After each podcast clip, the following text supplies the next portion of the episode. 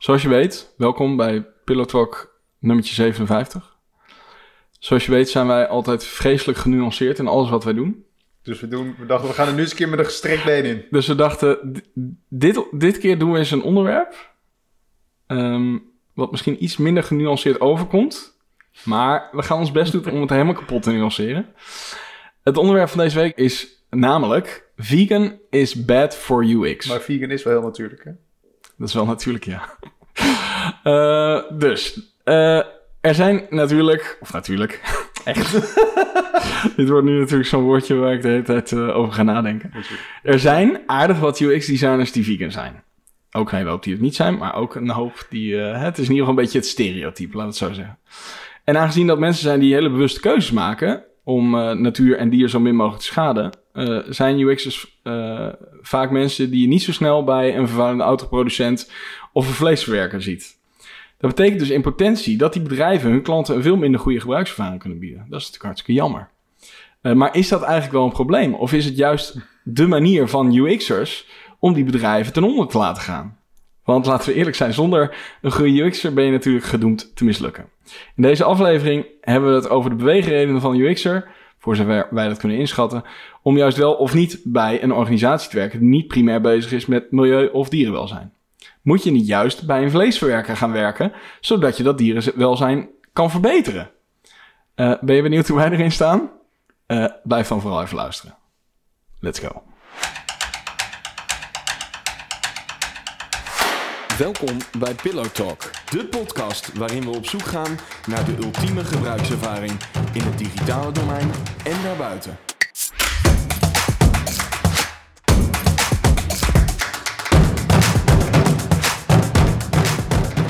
Eh, ik ben Milan Verbrugge, mede-eigenaar en account director van Pixelpillow. En ik ben Joël, verantwoordelijk voor de techniek bij Pixelpillow. Ik ben Geert-Jan, verantwoordelijk voor het ontwerp bij Pixelpillow.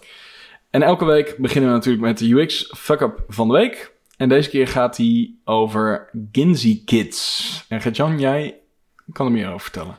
Ja, deze is een eh poosje terug verzameld, maar ehm, mijn zoontje van 11 zat weer eens thuis vanwege een ziek, te weinig leerkrachten of corona of Ja. ik geen idee. Hij zat Ja. thuis. Ja. En dan moeten ze thuisstudie doen.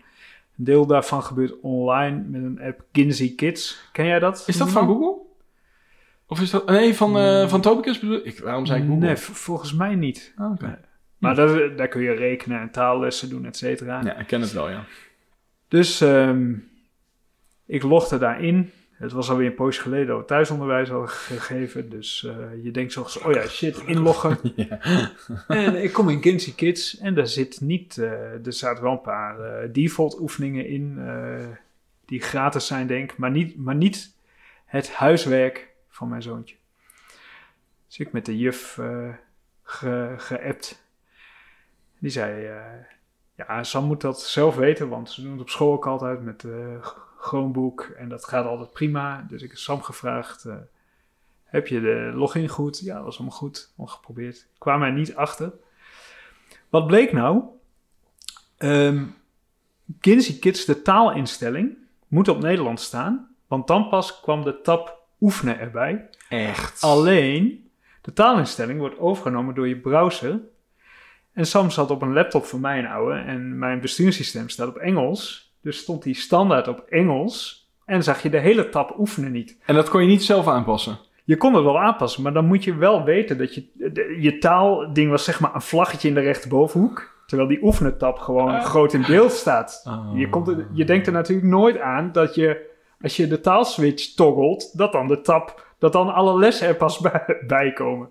Dus dat vond ik heel, ik vond het sowieso al grappig dat kennelijk dus die tab gekoppeld is aan je taal. Nou, dat kan behulpzaam zijn. Ja, dat zou, zou, nog, eh, zou nog nuttig kunnen zijn, maar dat, ehm, Moet je wel dezelfde content aanbieden. ja precies. En, Want dan is het geen vertaling, dan is het eh, meer een regio kiezen, toch? Ja, zoiets, ja. Maar, maar, ja. je, je eh, kon daar dus in principe niet achter komen. Ehm, ik weet eigenlijk geen eens hoe ik het ontdekt heb. Ik denk gewoon ge- per ongeluk Ja, geprobeerd. of gewoon het vlaggetje per ongeluk Ja. misschien geswitcht. Maar dat vond ik wel... eh, Ja, dat is inderdaad niet, niet heel handig. nee, dat kostte me weer een half uur van mijn leven. En, eh, en de juf ook. Ja. En die was ziek. Oh, nee. Ja. Dus eh, Ja, het voordeel is dat zij het nu voortaan wel ook weet. ja, ik heb meteen wel geappt van dit is het probleem. Dus eh, mocht je nog een keer de Hm. vraag krijgen, dan weet je waar het aan ligt. Jannik. Oké.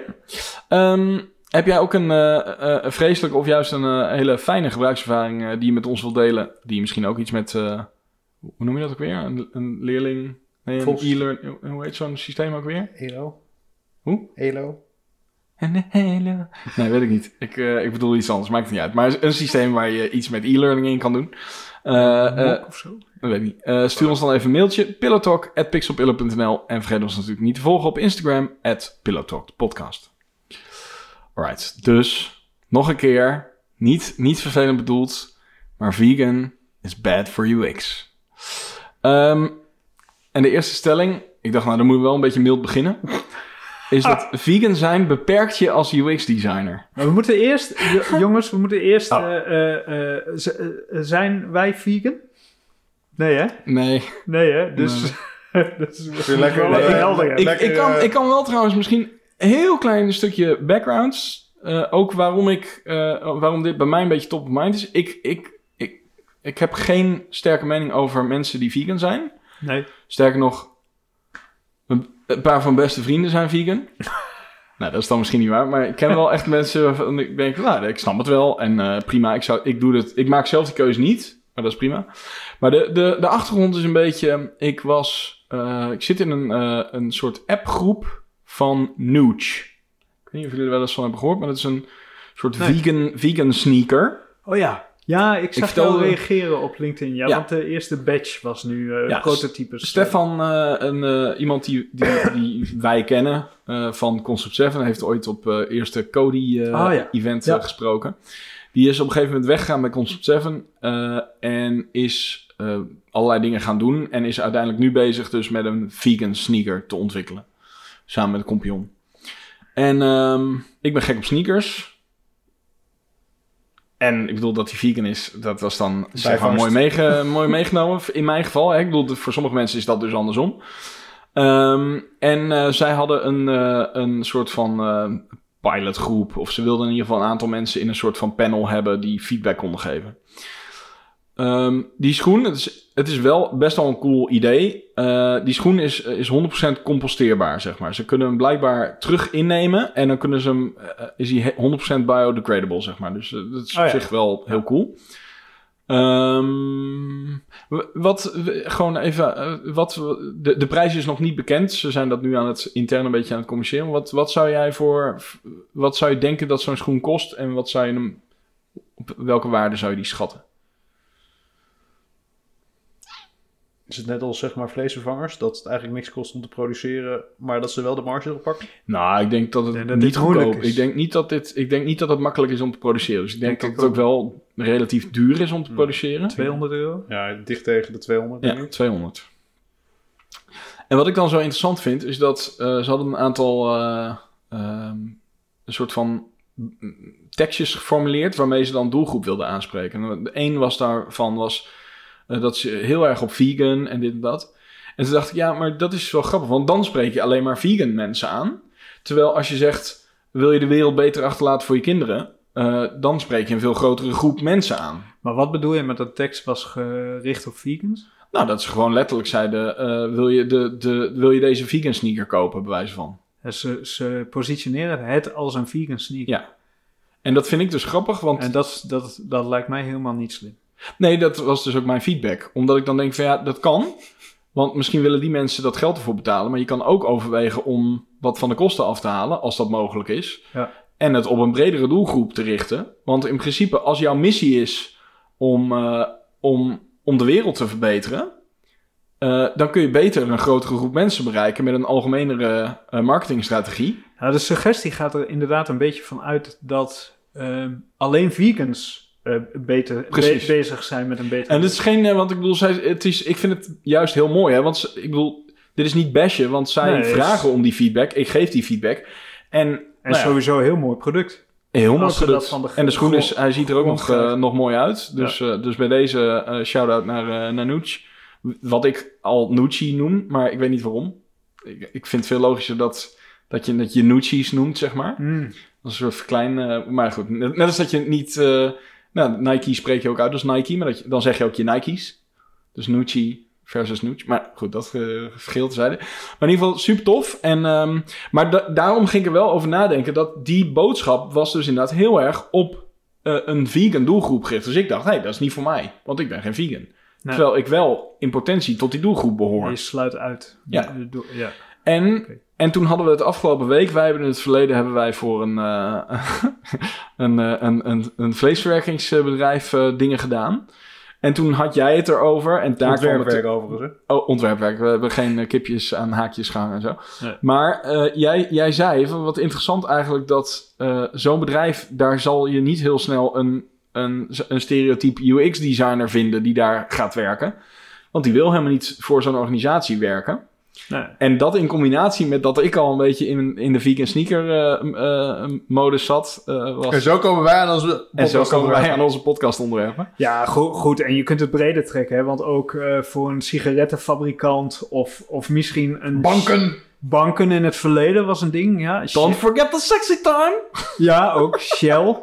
ook natuurlijk. Ja, maar ik bedoel, als je... Nee, ja, nee Ja. Sexy, sexy als in banners voor erotiek shop. Ja, eh, maar dat, eh, ja, dat was voor eh, veel mensen natuurlijk wel een soort bijbaantje ook in het verleden. Ja. Maar dat waren misschien niet, Ja, ide- niet- idealistische UX-designers. Ik heb het ook niet over de UX-designer die echt daadwerkelijk cam, cam boy of girl was. Maar ik bedoel meer dat je ontwerpwerk Ja. doet wat in die branche zit. Ik kan best... Nou ja, volgens mij hebben we het er wel eens over gehad. Maar ik had in het verleden een collega die dat dus vertikte.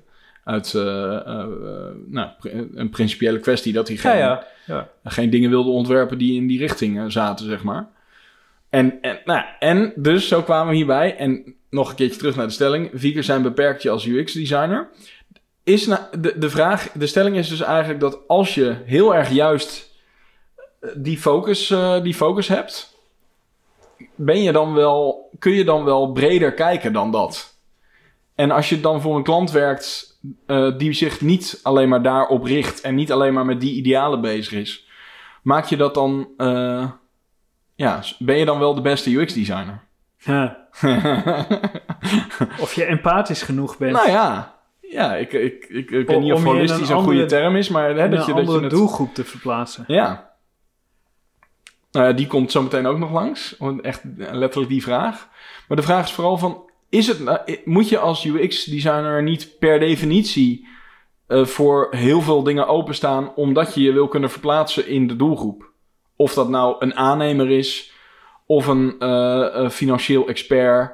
of een stratenmaker. Ja, maar ik denk inderdaad, het is denk misschien het verschil tussen.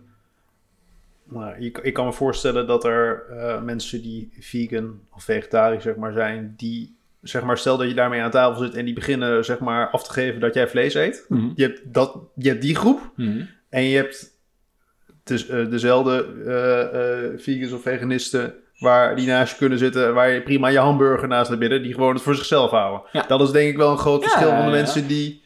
Ik bedoel, het is fijn je eigen keuze, zeg maar. Iedereen heeft zo zijn keuze. Hij is Nee. zo- ja, de, de idealist, nou, nou, dat hangt er wel een beetje aan misschien. Het zijn wel misschien de idealisten. En ehm, ja, die zijn misschien wel wat meer... eh, misschien, ge- maar dan gaan we allemaal grove generalisaties doen. Hè? Dit is echt een, Oh, oh, wat vervelend. Dat was helemaal niet mijn intentie. een, een, een tri- tricky onderwerp. maar dat zijn misschien wel eh, over het algemeen eh, wel mensen die heel sterk vanuit zichzelf eh, redeneren. Ja. En eh, dat zou wel eens kunnen botsen ja, met een eh, UX-researcher, ja, en- empathisch. Ja, maar ik bedoel, het is hetzelfde wat we dan zeggen. Je hebt zeg maar de, gewoon, gewoon een UX'er of een ontwerper. En je hebt kunstenaars. Gewoon Ja, die Nou, precies dat. ontwerpen Ja. voor ontwerp of ontwerpen voor een gebruiker. Ja. Het zijn twee verschillende dingen. Voor jezelf of voor de gebruiker, ja. En ik denk als je super idealistisch bent, dat dat... Ja, dan wordt het extremisme denk ik ook al uit. Oh, we zijn, we zijn nu bij extremisme beland. Leuk, leuk. dus, take it away! Nou ja, maar ik bedoel, ik heb het niet voor niks opgeschreven. Kijk, ik denk, ik denk zelf dat... ehm, nou, dat is, wel, dat is denk ik wel de nuance die ik zelf ook zou aanbrengen. Je, zolang je, zeg maar, je openstelt voor... eh, je, je kan natuurlijk een idealisme hebben. Je kan, je kan een bepaalde overtuiging hebben en een bepaald idealisme. Maar zolang je maar begrijpt dat de wereld eh, niet eh, voor iedereen er hetzelfde uitziet, dan, ja, dan, dan, dan kun je volgens mij een, een prima Ja. designer zijn, toch? Ik bedoel, daar gaat het gewoon om. Dat je, dat je reëel bent in, in hoe de wereld werkt en eruit ziet. En dat er andere mensen zijn die er anders in staan. En, ik denk eerlijk gezegd dat de gemiddelde UX-designers wel eh, sowieso eh, wel, wel snel leren dat de wereld anders is eh, da- dan hun idealisme. Want dat is het vak een beetje. Hè? Mhm. Het is toch een beetje vechten tegen de bierkaai continu. Dat moet, dat, je, je leert wel, je leert wel eh, dat je niet altijd krijgt wat je wil. Ja. Als UX-designer, denk ik. Ja. Dus, dus dat compenseert misschien eh, dat weer een beetje. Maar stel nou dat je daar niet gevoelig voor bent. Hè, je, je doet het al vijf jaar, misschien wel tien. Maar je denkt, ja, dat is prima dat die andere mensen dat, eh, dat, dat, ik, dat ik dit terugkrijg van mensen. Maar ik vind gewoon dat het zo. Ben je dan. Kun je dan nog steeds een goede UX-designer zijn? Of UX-design, UXer, designer, slash. Maar als je waar niet gevoelig voor bent, Nou ja, voor- voor- feedback, jij voor zegt- feedback gewoon. Ja, nee, maar ik bedoel, jij zegt, daar, daar, daar leer je snel genoeg van. Maar wat nou als je gewoon wel heel goed bent in, in, in visual design, zeg maar. Ja. Maar je... je eh, maar ja, je bent gewoon niet zo gevoelig voor om je aan te passen aan wat, die andere, wat je terugkrijgt van, van respondenten en zo. Ja, is, ik bedoel, Ja, kun je een hele eigenwijze eh UX-designer zijn, zeg maar? Of moet je, moet je meegaan, nee, altijd denk, meegaan? nee, dat denk ik. Ik denk dat, het, dat, je, dat je niet. eh, nee, dat je geen eigenwijze UX-designer kan zijn. En ik heb zelf ook al last van gehad hoor. Toen ik van de kunstacademie afkwam. Dat, is, dat is echt wel een andere manier van denken. Ja. Daarom vind ik dus ook nog steeds, hebben we al eerder gezegd, dat ons vak niet op een kunstacademie thuis hoort. Want het is een toegepast vak. Het is een dienend vak. Terwijl op een kunst, de naam zegt al, kunstacademie, leer je iets heel anders natuurlijk. Maar, maar toen ik daar vandaan kwam, was ik ook wel heel stront eigenwijs. Het heeft misschien ook waar we het net over hadden, een beetje met de leeftijd te maken. Denk, ik denk, eh, rond die leeftijd ben je sowieso een beetje eigenwijs. Ja. Ah, jij kwam wel wat laat van de kunstacademie af natuurlijk. Ah, nee, nee, nee. nee. ik, was een hele snelle leer. eh, Valt het je ook op dat Gert-Jan in de verleden tijd spreekt? Dat Ja. hij stront eigenwijs was? Zie ik toch anders. Maar hij, volgens mij is het Nee. wel minder geworden. Zeker. Maar ehm, ja, dat, de, de- daar vatte ik ook alle feedback op als kritiek op, eh, op, mezelf, op, me, eh, op mezelf persoonlijk. Ja, Ja, dat, dat, zo gaat dat in het begin. ja, zo gaat dat in het begin. Ja, Ja. dat helpt niet natuurlijk. Nee. Nee. Dus, Maar het- ik denk ook dat... ehm, eh, en dan gaan we, gaan, we, gaan, we, gaan we proberen een antwoord te geven op deze stelling. Maar volgens mij, zie- je ziet ook heel duidelijk... Tenminste, ik heb het idee dat je dat duidelijk ziet... dat, dat mensen die bezig zijn met eh, user research... en gewoon hè, meer met het UX-vak... dat dat ook inderdaad echt een ander type mens is... dan de, de wat meer standaard Ja. visual designer, zeg nou, maar. vind ik ook. Dat is echt, nou, ja, dat kan ik ook wel, eh, ja, dat, dat, zo, dat, zo zie ik dat ook wel. Dat er echt Mhm. wel twee verschillende dingen zijn. En dat is wel interessant.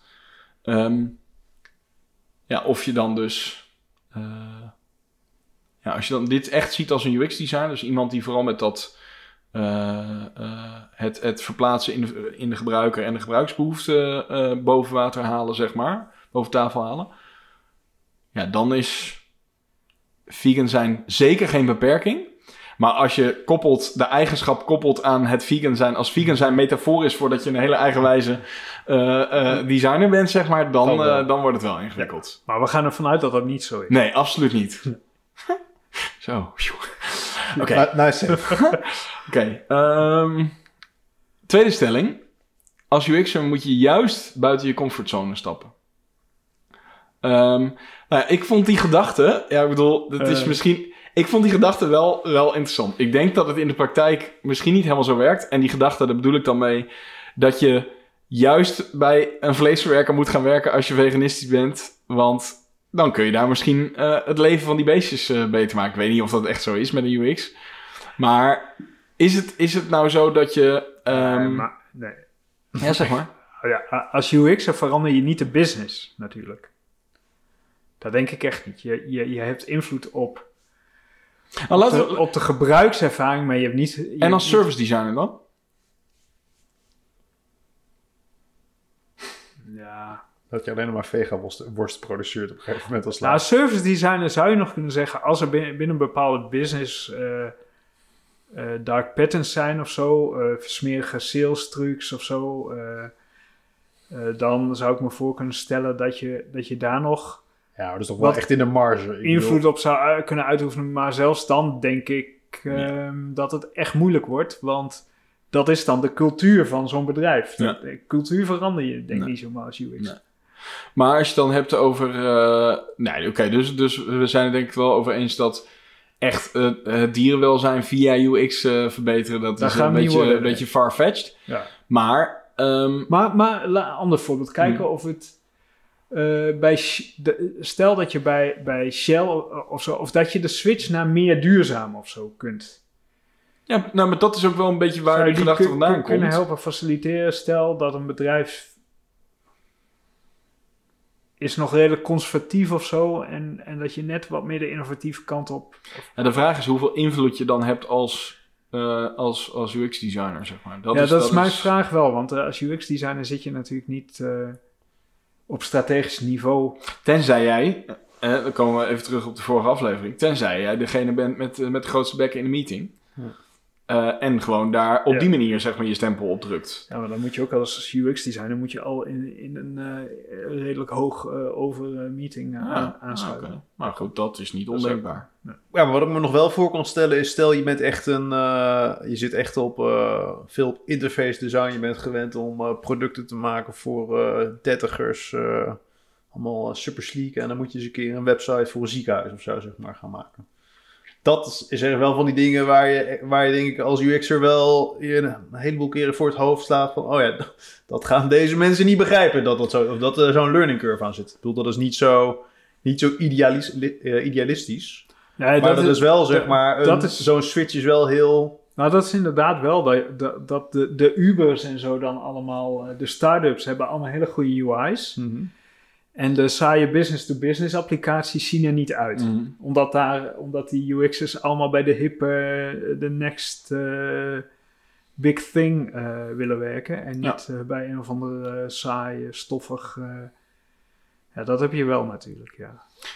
Maar bedoel jij dan wel ook dat je, omdat je gewoon een soort van change of scenery hebt, dat je gewoon een ander soort bedrijf een keertje daar Ja. als UX'er aan de slag gaat, dat je daardoor zeg maar een betere ontwerper wordt? Dat, dat, is- ja, dat is denk ik sowieso. Dat denk ik ook. Maar de...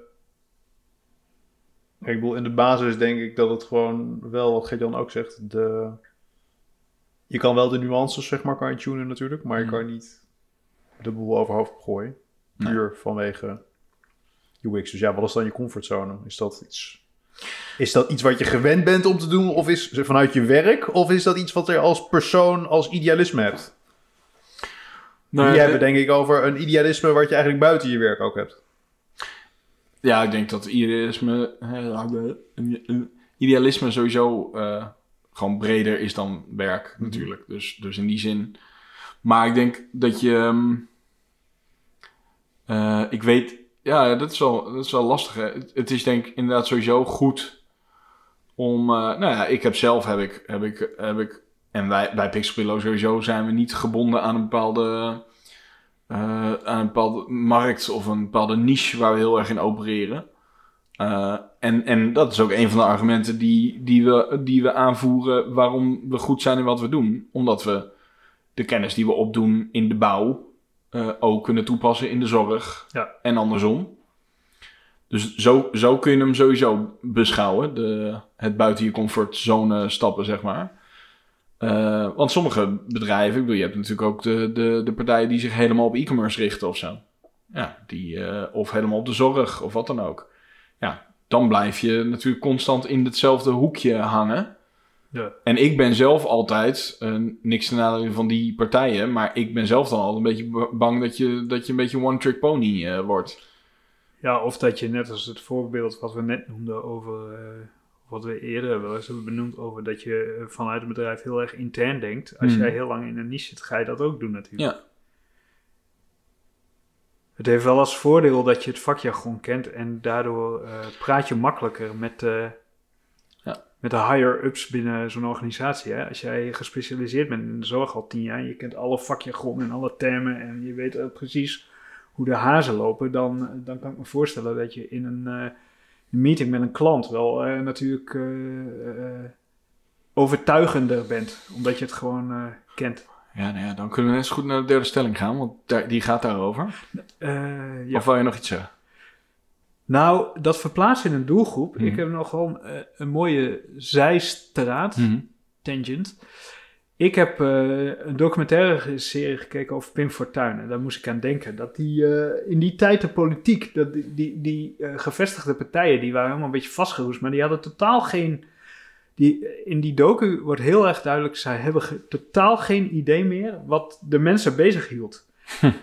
En die, en die opkomende nieuwe partij, die gingen gewoon op straat en die gingen heel veel in van die zaaltjes spreken en die hoorden dat allemaal. Dus waar die gevestigde partijen dachten van, oh, we zitten goed, we doen het goed, we hebben prima, eh, economisch gaat het goed, dat gaat goed, die gingen gewoon op data af, hè. Hadden die eh, opkomende partijen al lang door van, er is heel veel onvrede Ja, ja, ja, ja. eh, als je Ja. met mensen praat. En toen moest ik wel denken, ja, dat is ook gewoon UX-research. Ja, ja, Die ja. partijen zijn gewoon, die zijn gewoon de straat op gegaan, gaan praten met mensen. In plaats van dat ze in hun vergaderingetjes het allemaal zelf zijn eh, gaan, eh, gaan verzinnen. Dus die hebben gewoon gehoord wat de ho- hot topics waren. En daar zijn ze zich op gaan focussen. Ja. En dan ga je dus heel veel stemmen krijgen. Ja. Zo simpel is het dus gewoon. En, en dat is misschien een beetje hetzelfde als met een goed product. Als je veel met gebruikers praat, dan hoor je vanzelf wat er mis is. En, als je En daar ga je dan veel op meer focust- omzet eh, genereren. Ja, dus dat is toch? natuurlijk super mooi. Ja, dat, dat is het eh, volgens mij. Ja, dat dat nu wel het voordeel van het voorbeeld is voor waarom dat UX research zo belangrijk is. Ja. Nou, voor sommige bedrijven is dat de reden om dat te willen. Nou, ik moest er ook aan denken, omdat we. we eh, we hadden het natuurlijk over uit idealisme niet voor een bepaalde branche werken, maar bij politieke partijen speelt dat natuurlijk ook een beetje. Zo, zo, zo moest ik eraan denken. We Ja. hebben daar ook wel eens over gedacht. Wil je voor bepaalde politieke partijen wel of niet eh, eh, werken als designer? Ja, ja we, hebben, we hebben het natuurlijk ook wel eens over politiek gehad. In, maar, maar het lijkt, ja, het is wel... eh, en bij, bij sommige bedrijven kun je dan nog zeggen... ik wil voor dat type bedrijf niet werken. Maar ik Ja. kan me ook voorstellen dat sommige mensen zeggen... ik wil alleen maar werken voor de partij waar ik echt in geloof en waar ik op stem. Ja, dat kan ook nog. Toch? Ik bedoel... O- of stel je, je, je, Jawel, jawel, zit te kijken, whatever. Of stel je, je komt ergens in loondienst en, eh, en, eh, en ze halen zo'n klus binnen en jij Ja. wil dat helemaal niet. Ja. Omdat je daar gewoon principieel tegen bent. Ook nog wel Het ingewikkeld. is interessant trouwens hoe, dat juridisch eh, zit. Ja, dat weet Mag ik je dus niet. vanuit Mag je dat eh, geloofsovertuiging bijvoorbeeld bepaald werk weigeren? Geloofsovertuiging wel, denk ik. Maar, ik Ja, want dat is natuurlijk de kaart die, maar, wel- die maar- mag je altijd spelen. Ja, het rode verlo- geloof. ja, die, is, die is makkelijk. Ja, die is makkelijk. Nee, maar goed, als je, als je gewoon ergens niet eh, happy bij voelt. Ja. Bijvoorbeeld inderdaad dat je... Nou, stel we- het voorbeeld wat we noemden. Je bent vegan en, en, en je baas haalt een eh, klus voor een kippenslachter binnen. Ja. Wat denk jij wel? Zou dat eh, in, contract, eh, in contracten over het algemeen... Ja, daar durf ik geen uitspraak over Oh, te oké. doen. Verstandig. Lijkt Maar ik wel vind het wel daar wel de... Ten eerste moet je het volgens mij niet willen, denk ik. Als, eh, Wat moet je niet willen? nou, als, als werkgever dat je mensen dat soort dingen laat doen waar ze zo...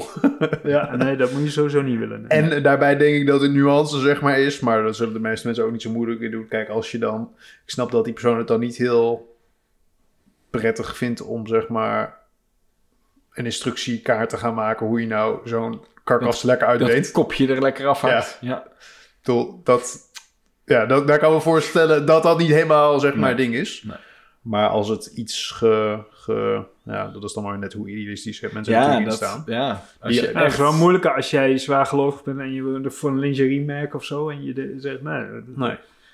Nee, maar als je, wel zegt, als, je, moeilijke als je zeg maar dan opeens heel gelovig bent, terwijl je Ja, nog, nooit, nog nooit Pasen gevierd de afgelopen tien jaar, zeg Ja, maar, dat ja. je, eh, eh, of dat je dat gevierd hebt door naar de Meulboulevard, zeg maar, te gaan, dan, eh, Dan doe je niet meer kan, mee. Dat Dan kan je je mee. afvragen hoe, eh, hoe, eh, Nee. hoe, je- Nee, hoe, nee. hard je daar, hoe idealistisch je daarin was. Ja, dat klopt. Dus dat is... eh, Oké. Maar ehm, eh, kunnen, we, kunnen we stellen dat buiten je comfortstappen, zone stappen, in principe eh, niet, niet slecht is? Als je, voor niemand. Voor niemand, maar ik bedoel zeker als je, als je mensen wil bent. verplaatsen en UX-designer bent, dat, je, dat het dan in principe vaak meer toevoegt dan dat het afbreuk doet? Ja, maar eh, stay true to yourself. Oh ja, nou dan gaan we nu naar de volgende, want die gaat daarover. Die gaat daar. Een niche kiezen als UX'er is een goed idee. Eh, sorry dat die een beetje leem geformuleerd is, deze stelling. Ik wist het niet beter.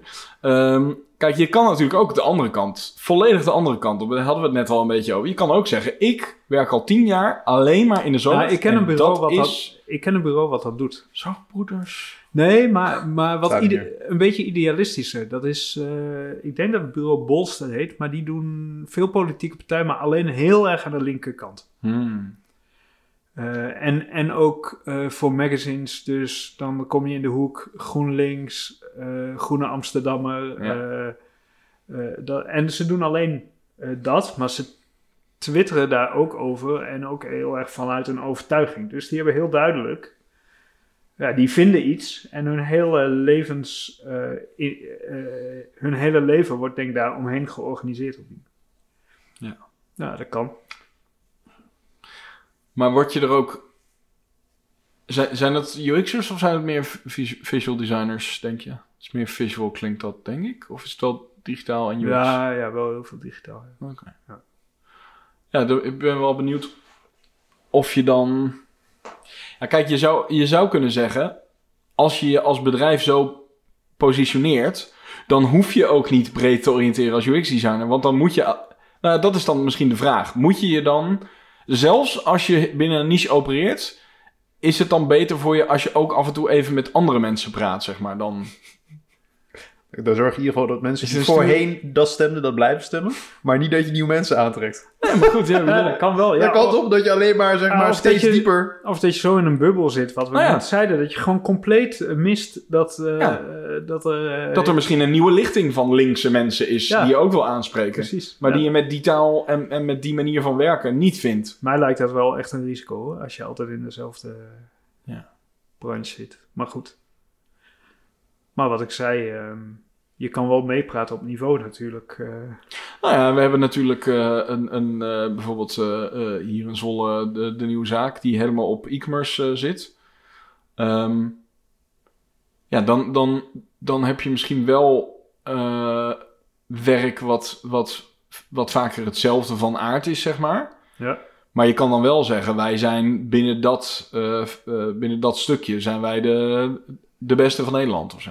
Ja, je het kunt wordt dat wel... ma- makkelijker, je zeg kunt dat wel optimaliseren, ja. Zeg maar gewoon strategisch en zo is het gewoon heel slim natuurlijk. Ja. Alleen wij, vind, wij vinden het persoonlijk gewoon leuker om wat breder Ja, maar de vraag is misschien wel, want dat is inderdaad, wij, wij vinden juist dat je, dat, je, dat, dat je leuker werk hebt als je. Maar is het werk ook beter? Ben je een betere UX'er als je voor verschillende type organisaties werkt en met verschillende mensen, en met verschillende achtergronden, verschillende gedachtegoed eh, in aanraking komt en dus ook met die mensen bijvoorbeeld dingen test? Word je daar een betere UX'er van? Nou, ik denk het wel. Ik denk toch van wel. Mooi. Tot volgende week. Nee. Eh, ja, het is wel, ik, ja, ik vind deze wel moeilijk. Want ik denk dat... Ik bedoel, het, Ja, het, het kan... Wat jij zegt is wel... eh, maar het is inderdaad misschien wel vooral de nuance tussen... werkt het goed? Vooral in je propositie. Het is waarschijnlijk veel makkelijker om te zeggen... Ik ben de absolute UX-expert in de zorg. Ja, Want dat doe ik al tien ook jaar. Ik kan me ook voorstellen dat het efficiënter is. Hè? Wa- Want, ehm, nou, e-commerce als voorbeeld. ehm, ja, bij je tiende e-commerce site eh, gaat het denk ik wel wat sneller dan bij, bij de eerste. Dus je zou kunnen zeggen dat als je, als je veel, veel van hetzelfde doet, dat je wel steeds efficiënter en dus sneller in wordt. Ja. Misschien ook wel beter. Maar alleen beter als je er goed over na blijft denken.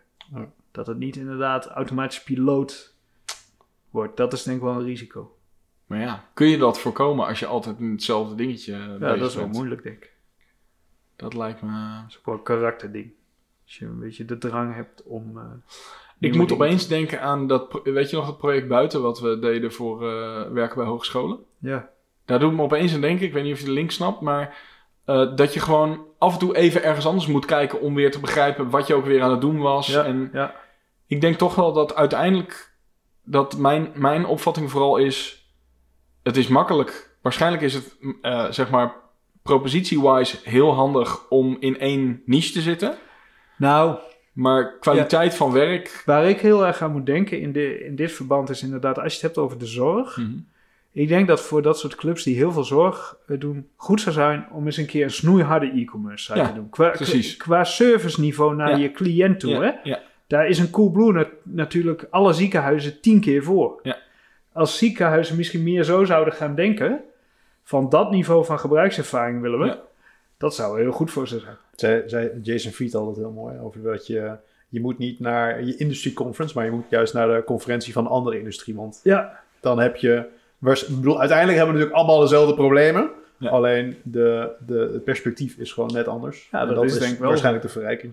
Nou ja, en het is denk ik ook goed voor jou als designer, maar ook als techneut, om gewoon eens te merken dat, eh, dat zo'n eh, e-commerce partij als klant ook iets anders communiceert en iets andere dingen aan, aan het doen is dan iemand eh, voor een zorginstelling. En dat dat ook gewoon op een andere manier werkt en dat ook dat al goed voor je is om, nou ja, om, om het een beetje in perspectief te kunnen zetten. ja. Oké, dus we zeggen, eh, een niche is handig, maar word je niet per se een betere UX-designer van. Nee. Mooi. Kan je nog iets toe te voegen? Nog iets kwijt? Ehm, ja. Sorry. Oh, dit, voelt als, dit voelt alsof Gert-Jan met heel, heel zwaar nieuws gaat komen. Nee, nee, maar- nee, maar ik zit opeens te denken. We, we hebben hier. De, dit gaat eigenlijk over. Er is een schrijver, Blair Ens, en die had het er over de innoficiency. Hmm. Dat, dat innovatie en efficiëntie bijt elkaar altijd. Ik Hmm. denk dat het dat is. Bu- buiten, buiten je comfortzone innoveer je, ontwikkel je jezelf. Ja. En binnen je comfortzone word je efficiënter. En die twee dingen zijn altijd een beetje met elkaar in. Staan op gespannen voet met elkaar. Mooi. Dat. Nou, Ik wil het dat zeggen. Nou, ik ben blij dat we daar Die was de moeite waard om Ja. nog even die 10 seconden te wachten. Nou, Cool. nice. Ehm, nou, dankjewel eh, jongens. Tot... eh, oh nee, ik moet nog even wat zeggen. Eh, echt. We zijn er nog niet. Ik wou gewoon op de stopknop drukken. Ehm, dit was een mooie toevoeging van Gert-Jan. Maar misschien heb jij ook nog wel een hele mooie toevoeging. Echt dus een. Ja, Wat een bruggetje. Dat doet hij even. Eh, heb jij nog een, eh, een, eh, een toevoeging, een suggestie, iets wat je wil vragen? Stuur ons even een mailtje naar pillowtalk.pixelpillow.nl. En vergeet ons niet te volgen op Instagram, pillowtalkpodcast. Krijg je ook elke week een berichtje als er weer een nieuwe aflevering is. En dan hebben we nog een vraag. Want, vind jij dat, dat je bewust buiten je comfortzone moet stappen om een goede UX-designer te zijn of te worden of te blijven? Dat horen we graag van je. Dus als je daar iets van vindt, laat het ons weten. Dan kan weer naar diezelfde e-mailadressen, Instagram en dat soort dingen. Ehm, nou, tot de volgende keer. Tot La- de volgende. later. Later. Dag.